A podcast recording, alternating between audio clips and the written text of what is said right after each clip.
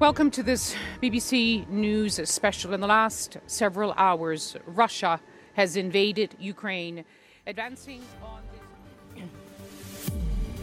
Russland har invadert Ukraina, kamper flere steder i landet. De første angrepene kom i morgentimene. Krig i en frontlinje er jo helvete på jord. Det er, det er det mest brutale et menneske kan utsettes for. Du hører på podkastutgaven av Hvor hender det? fra NUPI. Jeg heter Endre Stangeby, og denne episoden skal handle om krigen i Ukraina. Ett år har gått siden Russland gikk til angrep på Ukraina. Hvorfor gjorde de det? Hva har skjedd? Og hva tror vi vil skje videre? Dessuten, en krig avgjøres ikke bare på slagmarken. Her skal du få vite hvordan krigen i Ukraina også utkjempes på andre områder. For å få svar på dette har vi med oss Karsten Friis, seniorforsker på NUPI. Han er ekspert på sikkerhets- og forsvarspolitikk, militære operasjoner og krig. Eh, Karsten, hva var det som skjedde 24.2 i fjor? Da eh, rullet eh, russiske stridsvogner over grensa til Ukraina. Altså russerne angrep, eh, invaderte Ukraina for andre gang eh, siden 2014, var første gang. Eh, og prøvde å okkupere hele landet. inn mot hovedstaden Kyiv og mange steder i øst og i sør. Russiske styrker har bombet byer, veier, vannforsyning og strømnett for å ramme befolkningen i Ukraina. Hvordan har det da vært å være ukrainer det siste året? Jeg tror det er vanskelig for oss å forestille oss hvor vanskelig det er. Altså, det at du aldri vet helt at du kan komme en bombe i hodet. Det at du stadig vekk må ned i bombe, ned bomberom når det går flyalarmer. Altså, det å leve i sånn konstant frykt, konstant terror, er, er jo Det sliter på en. Eh, huset ditt er kanskje bomba, du får ikke strøm, du får ikke lade på mobilen. Altså, alt det praktiske hverdagslige også. Hva med områdene som eh, har vært eller fortsatt er okkupert av eh, russiske styrker? Eh, hvordan har det vært der? Ja, og Det er noe av det vi har sett har vært mest sjokkerende, er jo når området har blitt frigjort. Spesielt vi så denne landsbyen Butsja, hvor det lå liksom sivile spredd rundt omkring som bare henrettet. Og dette har vi sett i veldig mange landsbyer, at det har vært torturkjellere rundt omkring i vanlige hus. At de har kidnappet og drept folk helt sånn tilfeldig. Hva betyr denne krigen for Europa og verden for øvrig? Det betyr veldig mye for Europa. Betyr egentlig alt. Det er helt sjelsettende. Um, det er den mest alvorlige krigen vi har hatt siden andre verdenskrig. Det har på en måte positivt er at vi har blitt enda fått bedre samhold på tvers av Atlanteren, og vi står sammen om dette her og fått tydeligere i våre hoder kanskje idé om hva, vi, hva, det handler om. Eh, demokrati, eh, grunnleggende verdier, menneskerettigheter. Ting vi tar for gitt som vi ikke tenker så mye på, kanskje. Nå skjønner vi at dette er noe man ikke kan ta for gitt, og vi må slåss for. Vi må hjelpe Ukraina. Og det har forandret Nato. Sverige og Finland er på vei til å bli medlem.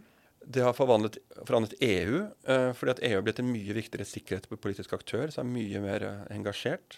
Og det forandrer da verden. Kina følger med på, på dette her, andre land følger med på det her. Eh, det har direkte konsekvenser for matvarepriser rundt omkring i verden. Det her har jo vært en, en periode hvor det var usikkert om det ville komme korn ut fra Ukraina. Og, og det får implikasjoner for global handel og vekst. Når vi snakker om Russlands invasjon av Ukraina, tenker de fleste på det som skjedde i februar i fjor. Men som Karsten var inne på, var dette Russlands andre invasjon av Ukraina. Den første skjedde i 2014, da russiske styrker tok kontroll over Krymhalvøya og deler av Øst-Ukraina.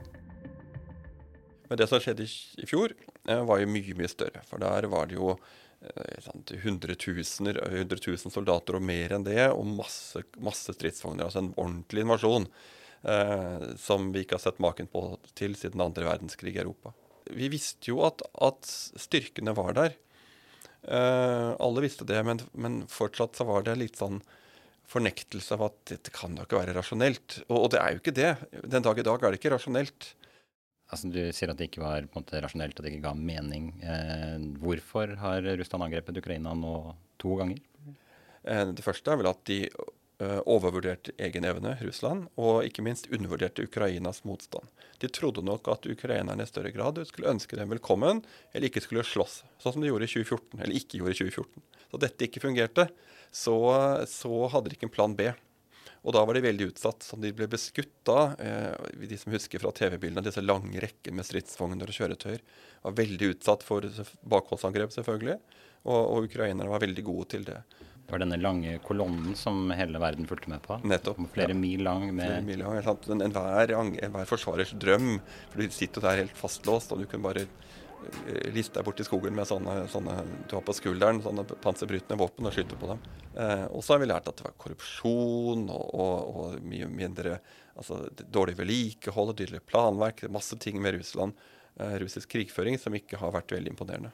Eh, men fra Ukrainas side, hva, hva, har de gjort riktig for å stå imot det som alle så på som overmakten? Uh, Ukraina har um, først og fremst vist at de har kampvilje, men også evne. Vilje er viktig i krig fortsatt. Det å, det å kjempe en frigjøringskamp eller en eksistensiell kamp er noe annet enn å være en, en utskremt soldat som kanskje ikke visste at han skulle angripe engang. Fra russisk side fikk vite det dagen før. Men de har vist evne til å tilpasse seg. De har også reformert forsvaret sitt siden 2014, lært mye. Og så har de fått våpensystemer eh, fra vestlige land, og de fikk det veldig tidlig. Og en ting til, eh, de har jo fått eh, hjelp, altså etterretningsinformasjon fra det må vi regne med, fra amerikanere og andre land, som har hjulpet dem med å se hvor russerne har hatt sine styrker, så de kunne forberede seg litt.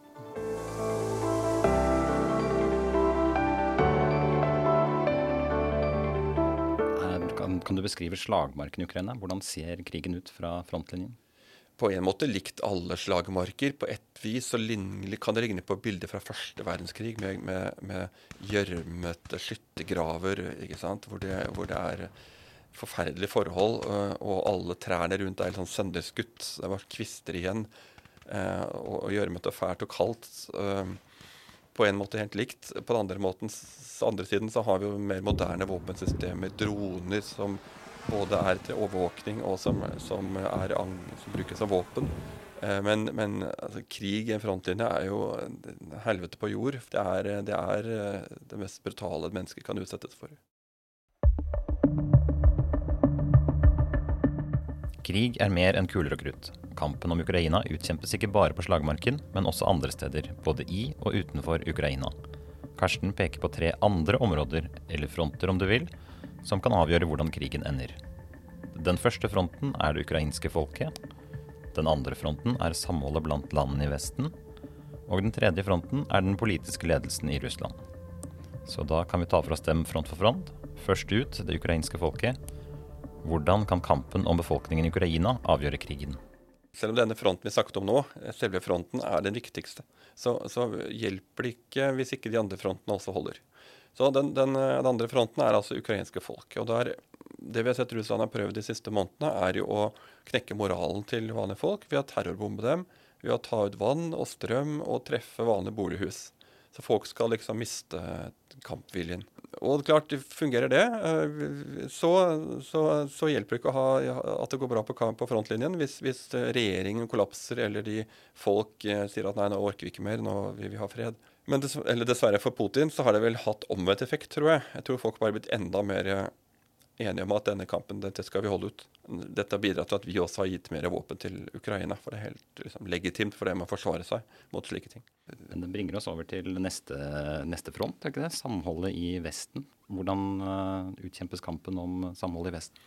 Altså, Putins strategi eller Russlands strategi siden 2014 har jo vært litt sånn splitt og hersk. Påvirkning, hacking, ta tak i et konflikt i et land og prøve å utnytte den til å, til å skape uenighet. Dette er, eh, dette er sånn de holdt på, og med relativt god suksess. Og det prøver de på fortsatt. For det er klart, det er jo Det, det har jo en pris, denne krigen for oss også. De fleste europeiske land forventer at økonomien krymper i året som kommer i år. Det er, det er høye strømpriser, gasspriser, eh, inflasjon. Mye av dette handler om krigen, skyldes krigen.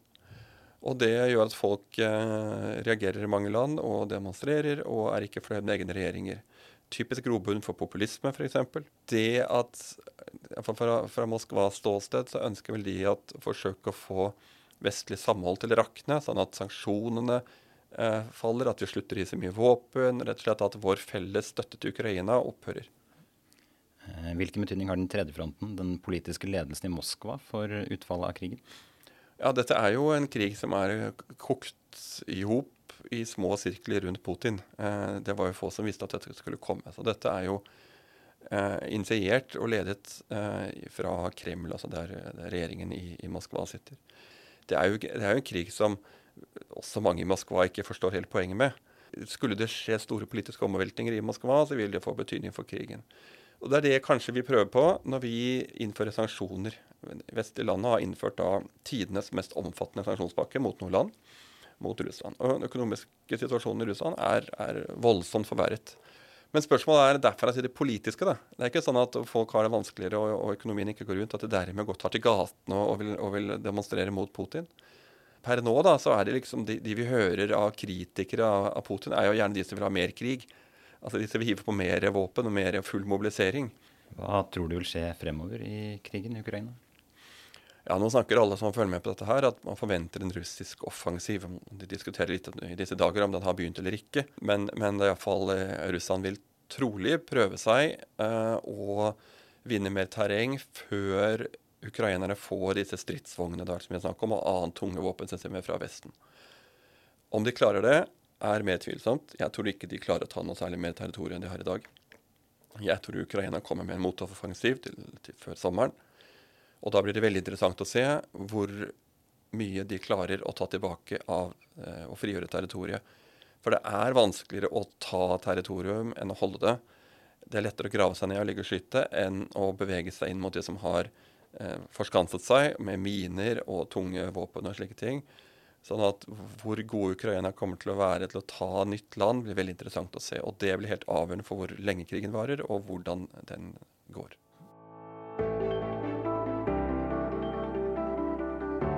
Denne podkasten er basert på en artikkel fra Nupis artikkelserie Hvor hender det? Lydklippene du hørte, var fra BBC og NRK. Artikkelen om Ukraina og andre artikler om utenrikspolitikk og verden vi lever i, finner du på nupi.no. slash skole.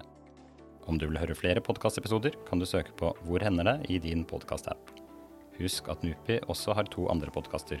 The World Stage, som er på engelsk og går i dybden på internasjonale spørsmål og Utenrikshospitalet, som diagnostiserer verden én episode av gangen. Har du innspill eller spørsmål til oss, send oss gjerne en e-post på skole alfagrøllnupi.no.